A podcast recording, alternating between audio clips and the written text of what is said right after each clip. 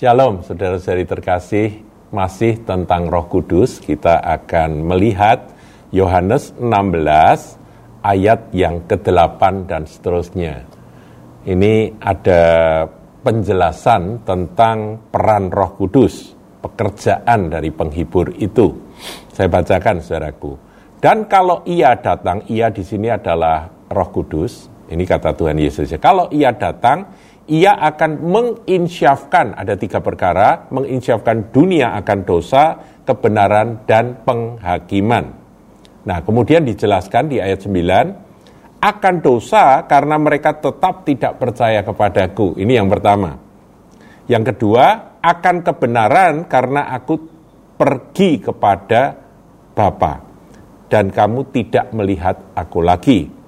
Yang ketiga, yang ketiga ayat 11, akan penghakiman karena penguasa dunia ini telah dihukum. Jadi ada tiga perkara yang akan diinsyafkan oleh Roh Kudus sehingga manusia akhirnya menyadari akan tiga perkara itu. Yang pertama akan dosa. Saudaraku akan dosa, ada orang yang merasa dirinya tidak berdosa, merasa dirinya cukup baik, dan dia tidak butuh Tuhan Yesus. Nah, saudaraku, berita Injil itu intinya bahwa semua manusia telah berbuat dosa dan telah kehilangan kemuliaan Allah. Dan upah dosa adalah maut. Jadi itu inti dari berita Injil yaitu menyatakan bahwa hai manusia, siapa pun Anda, berpendidikan seperti apa pun, eh, lahir dari keluarga seperti apa, nggak peduli, saudaraku sepinter apa pun Anda punya IQ 170 atau se secerdas apa pun, semua manusia adalah orang yang berdosa. Karena firman Tuhan katakan kita ini dikandung di dalam dosa. Begitu lahir benih dosa itu sudah ada. Memang ada yang buah dosanya itu kelihatan mengerikan, ada yang buat dosanya ya tidak terlalu kentara, tapi sebetulnya sama. Nah, siapa yang bisa menginsyafkan akan orang-orang dunia ini akan dosa, saudaraku? Tuhan Yesus sudah memberitakan Injil dan dia sudah menyelesaikan akan karya penebusan. Dia sudah sudah menjelaskan bahwa dialah sang Mesias yang menyelesaikan masalah utama dari manusia yaitu dosa. Tetapi orang tetap tidak percaya kepada dia. Makanya dikatakan ayat yang ke-9 akan dosa karena mereka tetap tidak percaya kepadaku. Jadi orang yang tetap tidak percaya pada Yesus, juru selamat, satu-satunya penebus manusia dari segala dosa, ketika orang menolak juru selamat yang satu-satunya yang bisa menyelesaikan dosa, maka dia tetap di dalam dosa. Nah, siapakah setelah Tuhan Yesus naik ke surga yang akan menginsyafkan manusia di dunia ini akan dosa? Siapa? Roh Kudus. Nah, ketika Roh Kudus turun, saudaraku, dicurahkan, Petrus berkhotbah, 3000 orang Yahudi pada waktu itu, bukan Yahudi aja, ada banyak juga dari dari bangsa-bangsa lain yang pada waktu itu berkumpul pada hari Pentakosta. Mereka kena hatinya. Kemudian bertanya apa yang harus kami perbuat.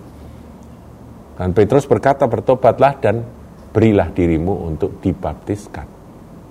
Jadi orang bisa sadar bahwa kami ini berdosa, kami butuh satu-satunya Mesias yang bisa membereskan masalah dosaku. Nah, Tuhan Yesus berkata bahwa akan dosa karena mereka tetap tidak percaya kepada Yesus. Jadi yang bisa membuat orang itu sadar akan dosa dan percaya pada Yesus adalah Roh Kudus. Saudaraku, kalau kita memberitakan Injil, kita menceritakan tentang Yesus Kristus Tuhan Juru Selamat, ingat akan hal ini kalau tidak ada roh kudus, orang tidak akan bisa bertobat.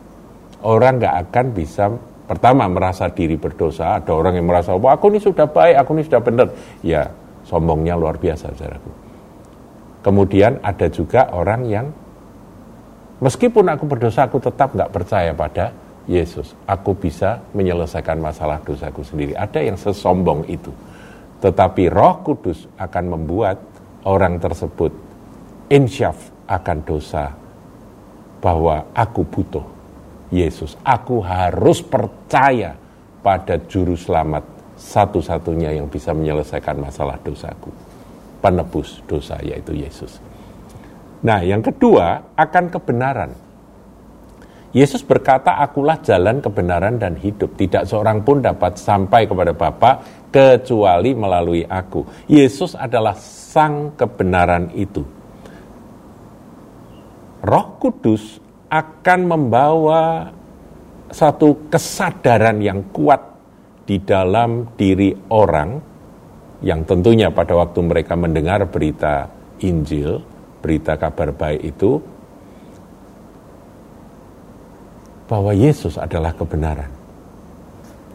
Tuhan Yesus sudah naik ke surga. Pada waktu dia di atas muka bumi, dia masih bisa berkata, akulah jalan kebenaran dan hidup. Tapi dia sudah naik ke surga.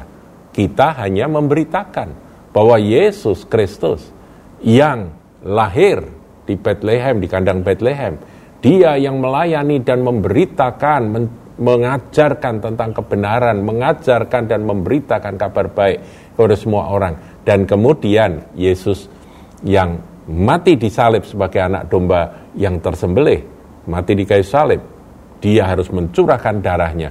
Dan kemudian yang terakhir, dia bangkit dan naik ke surga. Saudaraku, dialah sang kebenaran itu. Siapa yang bisa me menyadarkan, menginsyafkan bahwa Yesus adalah sang kebenaran.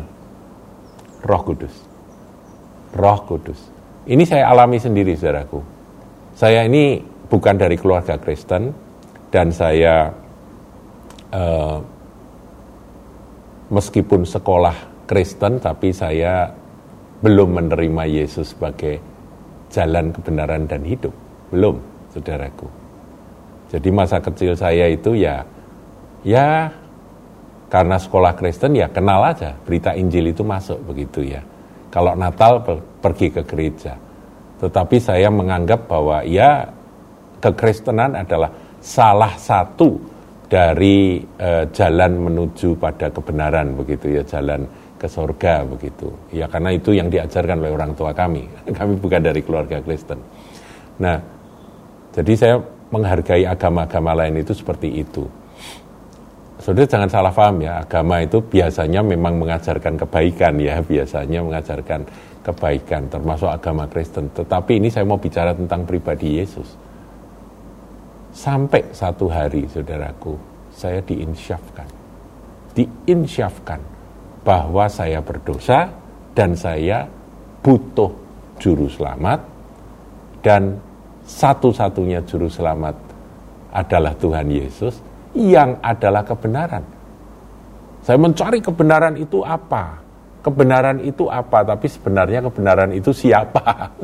ya, jadi kebenaran itu bukan apa, tapi siapa. Kalau saudara jumpa dengan Tuhan Yesus Kristus, maka saudara jumpa dengan sang kebenaran itu. Dan yang terakhir ayat 11 katakan akan penghakiman karena penguasa dunia ini telah dihukum. Saudaraku, soal penghakiman, ya penghakiman itu benar-benar sesuatu yang membuat gentar ya. Orang itu kalau dengar kata penghakiman itu kan ngeri. Ada orang-orang yang nggak nggak takut sama sekali, atau pura-pura nggak takut, atau saking sombongnya mulutnya ngomong nggak takut gitu ya. Karena dia sehat, dia kaya, dia bisa berbuat apa-apa, dia uh, pinter gitu ya, dia uh, punya banyak orang yang ngefans sama dirinya, sehingga dia merasa bahwa aku ini nggak takut akan hari penghakiman gitu. Tapi Tuhan Yesus berkata bahwa Roh Kudus itu nanti akan membuat rasa gentar di hati. Bahwa sebagai orang berdosa akan ada hukuman kegentaran itu dikerjakan oleh Roh Kudus. Dan penguasa dunia ini telah dihukumkan. penguasa dunia ini sudah dikalahkan oleh Tuhan Yesus. Dan hakimnya adalah Tuhan Yesus Kristus. Yang akan datang sebagai Raja segala raja dan hakim segala hakim. Pengertian itu, kesadaran itu dikerjakan oleh Roh Kudus. Saudaraku, sebab itu mari kita merindu-rindukan Roh Kudus itu bekerja, sehingga ketika kita melayani akan orang-orang dengan menceritakan tentang Injil Yesus Kristus pada mereka, kita tidak mengandalkan pinteran kita, tidak mengandalkan kefasihan lidah kita, tapi kita mengizinkan Roh Kudus berkarya. Saya akan akhiri dengan uh, dua ayat saudaraku dalam Yohanes 15. Kita mundur Yohanes 15 ayat 26 dan 27. Dikatakan jikalau penghibur yang akan kuutus dari Bapa datang, yaitu roh kebenaran yang keluar dari Bapa. Jadi roh kebenaran itu keluar dari Bapa. Dia bagian dari Allah ya, dia keluar dari Bapa. Ia akan bersaksi tentang aku, itu ayat 26. Jadi roh kudus itu bersaksi tentang Yesus. Yesus yang adalah penebus dosa, Yesus yang adalah sang kebenaran, Yesus adalah sang hakim. Itu Roh Kudus yang bersaksi.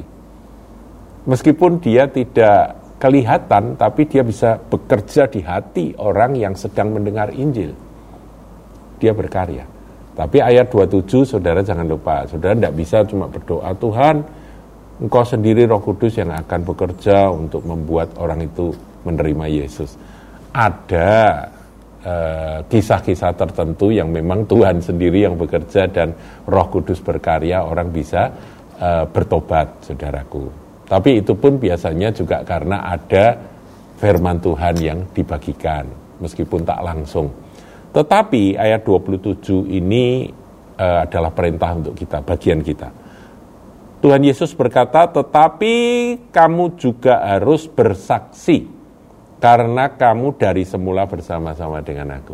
Kita yang sudah mengenal Yesus, yang sudah bersama-sama dengan Tuhan Yesus, kita yang sudah menerima Dia dan memiliki Dia dalam hidup kita, kita juga harus bersaksi. Tetapi, saudara, ketika kita bersaksi, Roh Kudus akan bersaksi pada orang itu juga. Jadi kita ini partnernya Roh Kudus. Jadi kalau tadi katakan bahwa dia akan datang dan menginsyafkan dunia akan dosa, akan kebenaran dan penghakiman. Amin. Tetapi aku, kita harus bersaksi juga. Jadi saudara, mulai hari ini, ayo bersaksilah. Ceritakan, nggak perlu dari mimbar saudara, tapi saudara bisa cerita dengan seribu satu macam cara. Saudara bisa share akan uh, firman Tuhan, penginjilan, uh, yang menceritakan tentang Tuhan Yesus. Singkat-singkat uh, melalui melalui WA uh, saudara bisa kirimkan channel-channel YouTube. Hari ini kita bisa bersaksi dengan segala segala macam cara. Ya jadi nggak nggak perlu lagi face to face gitu ya. Kita bisa kirim gitu orangnya dengar orangnya bertobat. Karena ini adalah era di mana Tuhan memang sedang bekerja luar biasa. Tuhan Yesus berkati.